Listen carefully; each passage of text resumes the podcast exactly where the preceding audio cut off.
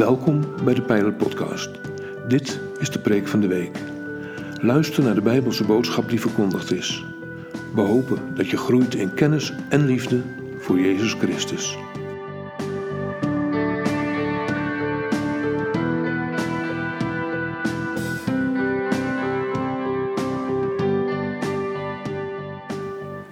De adventstijd is aangebroken. We mogen toeleven naar het grote feest dat we met kerst vieren, namelijk dat God mens is geworden in Jezus Christus. Tijdens deze vier diensten op zondag staan we stil bij het thema Alleen samen verwachten. Goedenavond, welkom in deze kerstnachtdienst in de Pijler. Degenen die vanuit thuis kijken en normaal hier in de zaal zitten, jullie zijn er toch stiekem een klein beetje bij. Want zoals jullie gezien hebben op sommige van de beelden, hebben we op alle stoelen kleine lampjes neergelegd. Zodat we ons een beetje verbonden voelen, zodat we niet in het leeg zitten te kijken, maar een lichtpuntje zien voor iedereen die nu via internet met ons verbonden is. We hopen dat jullie met ons mee een fantastische dienst beleven.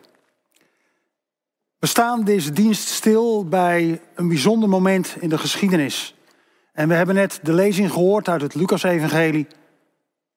Het was niet makkelijk in die tijd.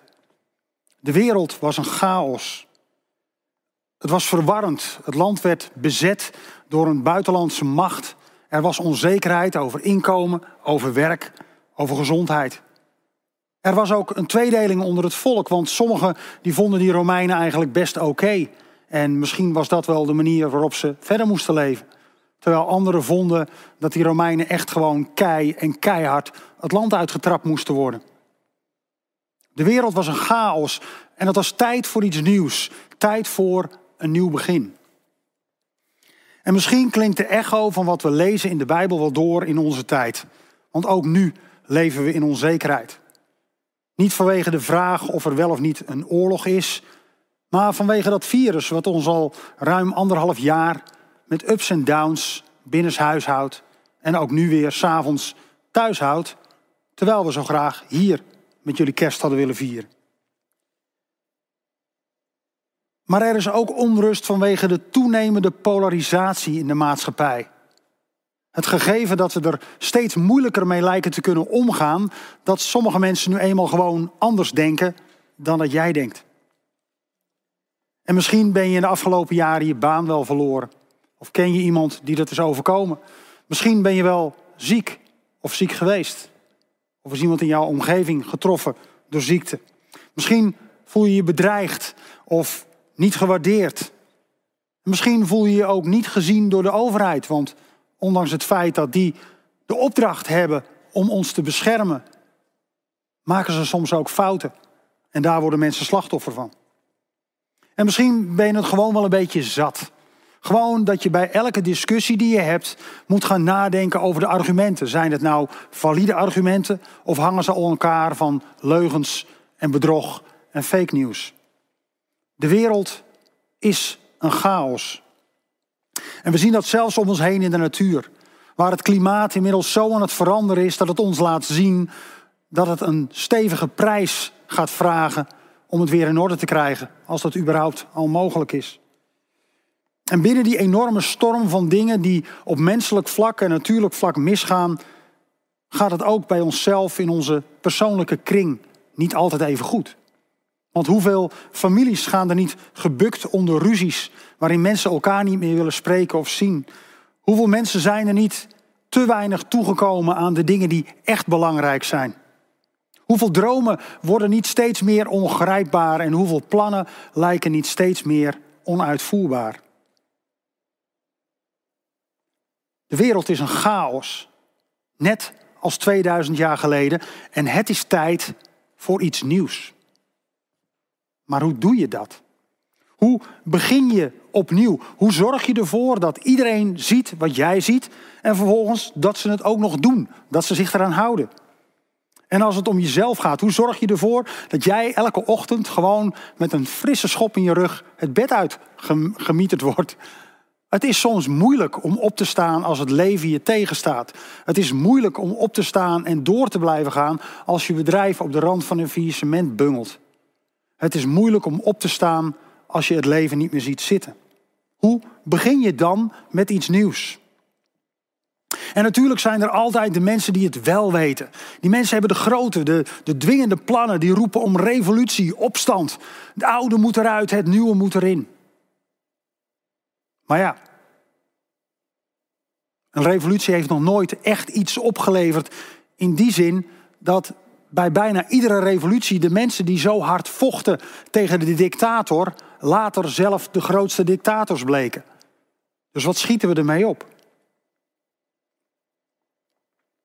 Is er dan niet een meer pacifistische oplossing? Uh, bijvoorbeeld een soort superheld idee. Iemand met een rode cape die komt aanvliegen en die gewoon de boel even orde op zaken stelt. Gewoon de boel weer even rechts richt.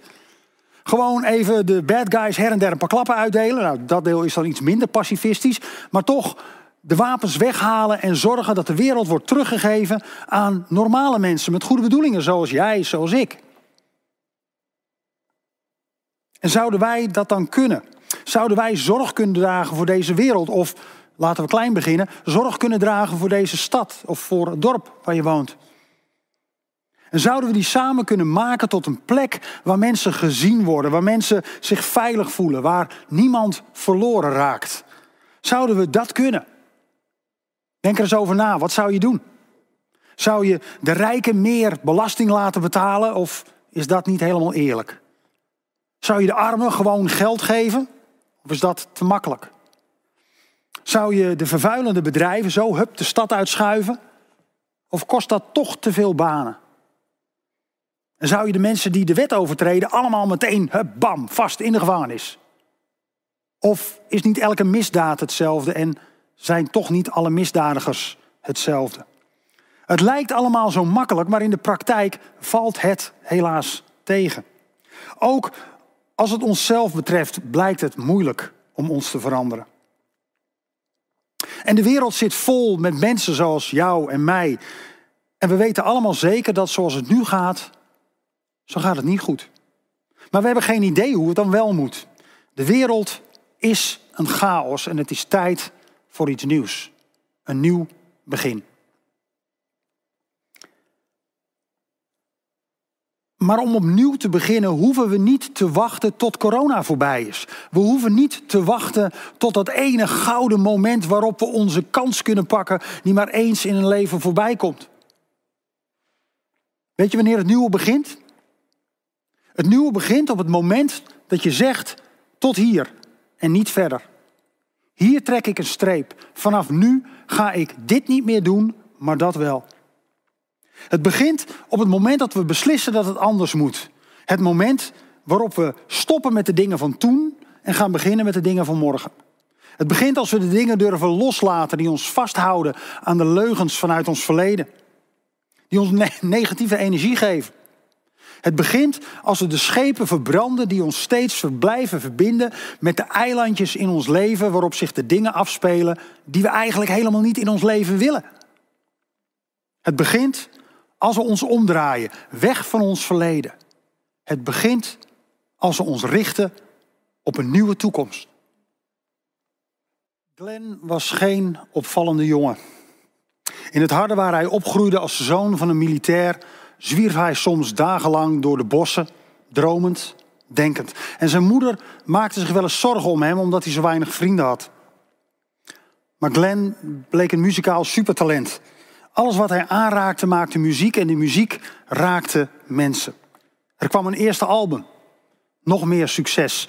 Eh, de popprijs op het Noorderslagfestival. Hij werd huisband van de wereld draait door. En hij wilde alles voor iedereen zijn. En toen kwam er een burn-out. Hij had te veel gevraagd van zichzelf, maar de rug recht en gewoon weer door. Een tweede album, nog meer succes, optredens, interviews, mensen die iets van hem wilden en wat hij maar al te graag, graag wilde geven. En toch steeds weer bij hem dat knagende gevoel, je bent nog steeds niet goed genoeg. En dan een tweede burn-out. Een burn-out die hij beschrijft als gevangen zitten op een duistere plek. Het voelde als de dood. Hij sloot zich af.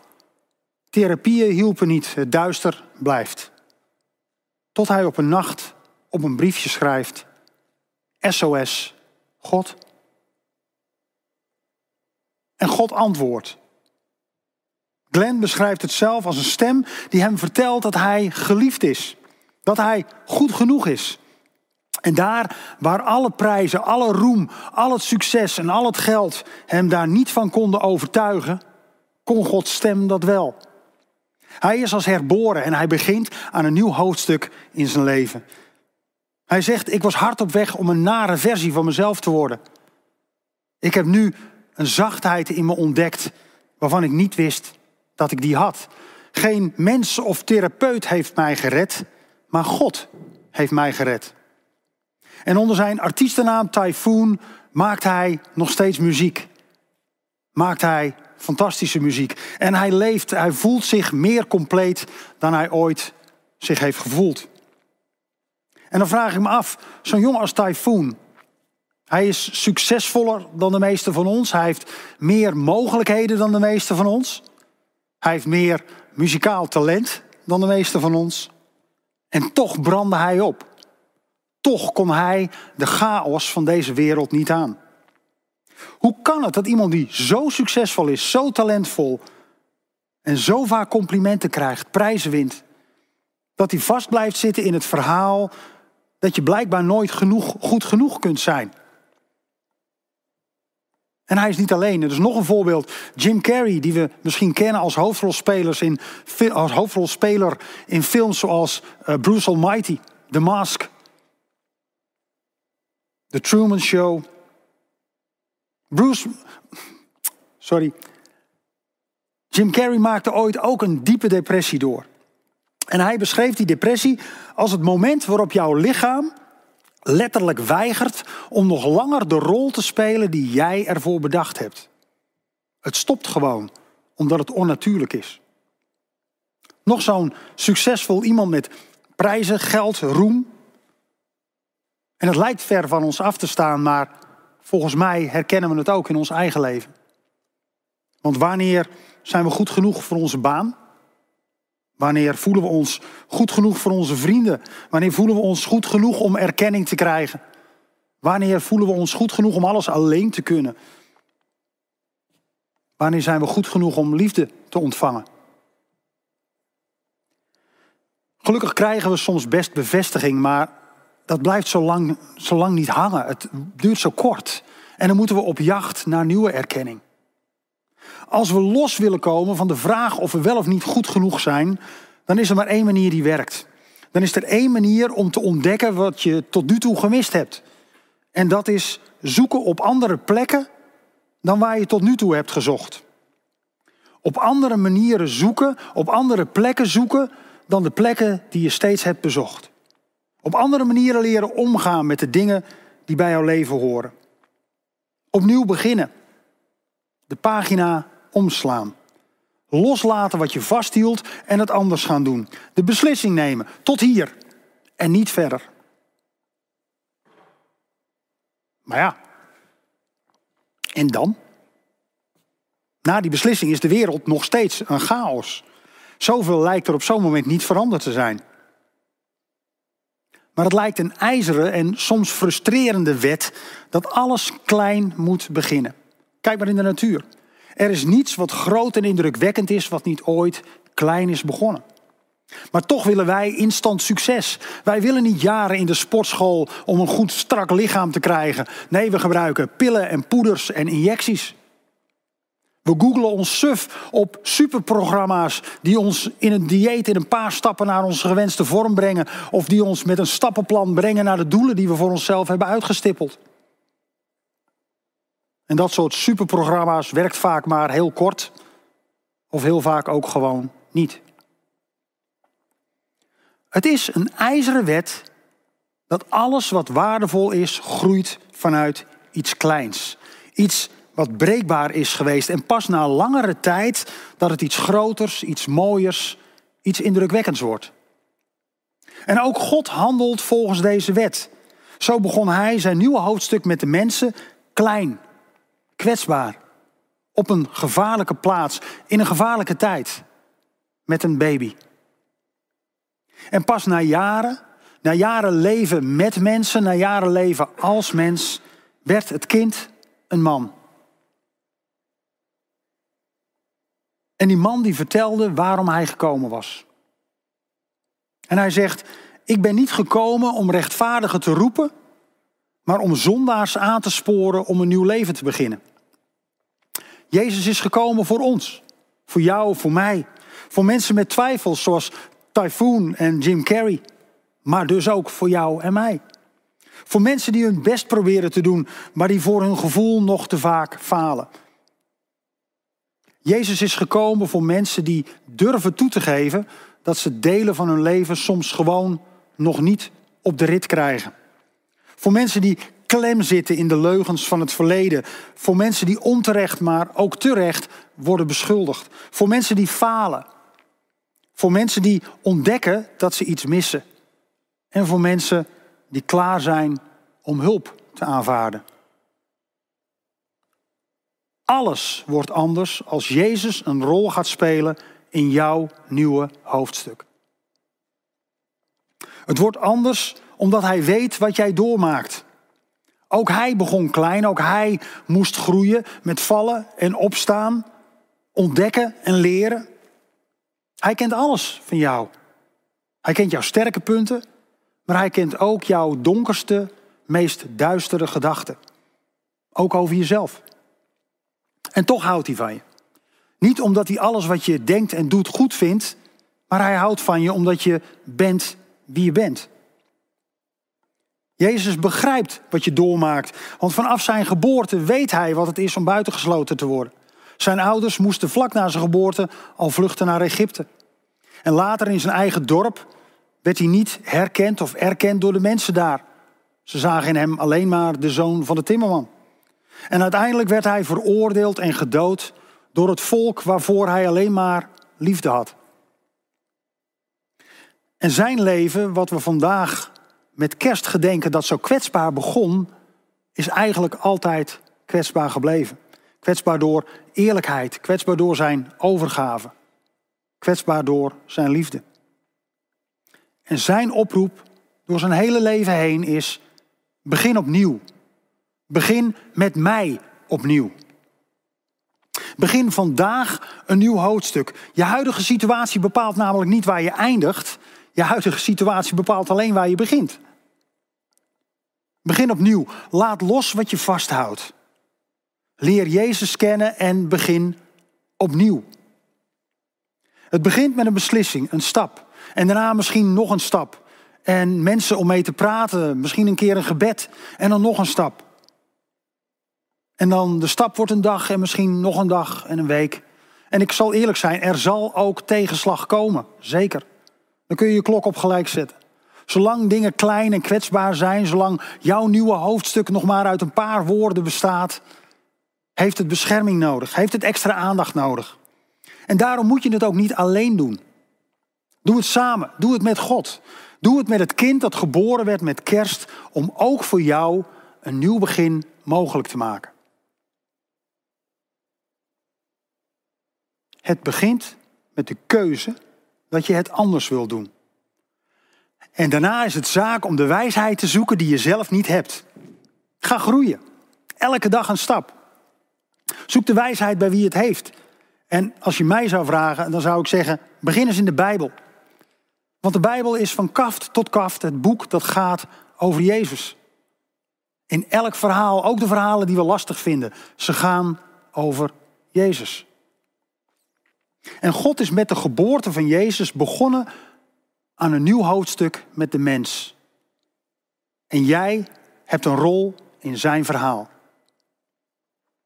Hoe ik dat weet? Je luistert nu. Je hoort wat ik zeg. Omdat je nu zit te kijken of omdat je dat later terugkijkt. Maar als je hoort wat ik zeg, dan moet je er ook wat mee. Je hebt een rol in zijn verhaal. En mag hij ook een rol in jouw volgende hoofdstuk spelen? En dan kun je denken, waarom nu? Ja, waarom nu niet? Misschien is nu wel het moment. Want als al jouw wegen en manieren je tot op dit punt hebben gebracht en je niks hebben opgeleverd, dan is het misschien eens een keer tijd dat je zijn manier probeert. En misschien heb je nooit echt nagedacht over de Bijbel, over de kerk als bron van hulp. En toch is dat wat we doen. Wij ontdekken en we zoeken samen. We proberen er voor elkaar te zijn als we het zwaar hebben in ons leven. En we leren van en met elkaar. Dat is kerk zijn. En vandaag in deze kerk dagen wij jou uit om met ons aan je nieuwe hoofdstuk te beginnen. Als God een rol mag spelen in jouw verhaal en jij wilt leren wat voor rol jij speelt in zijn verhaal, ga dan met ons mee op reis. Ga met ons mee op onderzoek. Geef je bijvoorbeeld op voor de pijlencursus. Die start op 11 januari. En dan kun je in 12 avonden kun je erachter komen wat er allemaal staat in dat grote dikke boek. Dan kun je vragen over stellen en met elkaar ontdekken en zoeken. Waarom is er een God? Wie was Jezus? Wat zei hij over zichzelf? Wat zeiden de mensen over hem? Maar buiten de pijlencursus kun je natuurlijk ook onze diensten bezoeken. Nu nog online, aanstaande zondag weer om 10 uur online. En we hopen binnenkort ook weer live. Ontdek welke levende God er schuilt in de woorden van het grote, dikke boek. Begin opnieuw. Begin vandaag. Begin nu. Als het goed is, heb je via welke weg dan ook een kaart gekregen. Deze kaart. Als je niet die kaart hebt ontvangen, pak dan een stuk papier of een stuk karton of iets anders waar je op kunt schrijven en pak een pen. Pak die kaart en schrijf op hoe jouw nieuwe hoofdstuk gaat beginnen. Schrijf op waarom jouw nieuwe hoofdstuk gaat beginnen. En schrijf aan jezelf over vier weken of een langere periode als je dat wilt. Schrijf een reden op waarom je dit opschrijft. Een doel. Wat je van jezelf verwacht over vier weken of over zes maanden. Wacht er niet mee. Doe het nu. Want we weten allemaal hoe het werkt. Als we straks vanavond aan de gluwijn zitten en nog een hapje en een drankje hebben, zijn we het morgen vergeten. Een nieuw begin begint nu. Als je weet dat je het nu moet doen, moet je het ook nu doen. En schrijf het op. Als je er woorden aan geeft en als je het op papier zet, dan bestaat het. Dan is het iets wat tastbaar is. En dan gaat het jou helpen om over een paar maanden, een paar weken te kijken hoe ver je gekomen bent. Wat je al hebt veranderd. Of waar je nog stappen in moet ondernemen. En misschien geef je jezelf daarmee ook wel een kleine kick onder je achterste. Om alsnog te doen wat je vanavond zo zeker weet dat je zou moeten doen. Begin jouw nieuwe hoofdstuk op deze kaart. Herinner jezelf aan dat datgene wat je hebt gehoord, wat je hebt ervaren, wat je misschien nog gaat ervaren, dat het echt is. Bouw jezelf op. Bouw jezelf op zoals Jezus jou op wilt bouwen. Want Hij is niet gekomen om rechtvaardigen te roepen. Hij is gekomen om jou aan te sporen om een nieuw leven te beginnen.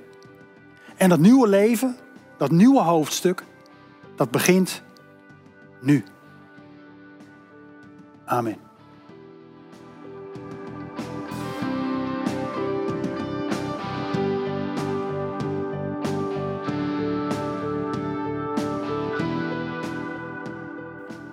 Bedankt voor het luisteren naar deze aflevering van de Pijlen Podcast, Preek van de Week.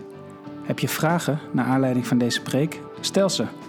Dat kan via een e-mail naar onderwijs.pijler.nl. We helpen je graag verder in je groei als leerling van Jezus Christus. Abonneer je op deze podcast, zodat je altijd op de hoogte blijft van het onderwijs uit de pijler. Goede week gewenst, ga in vrede, want God is nabij.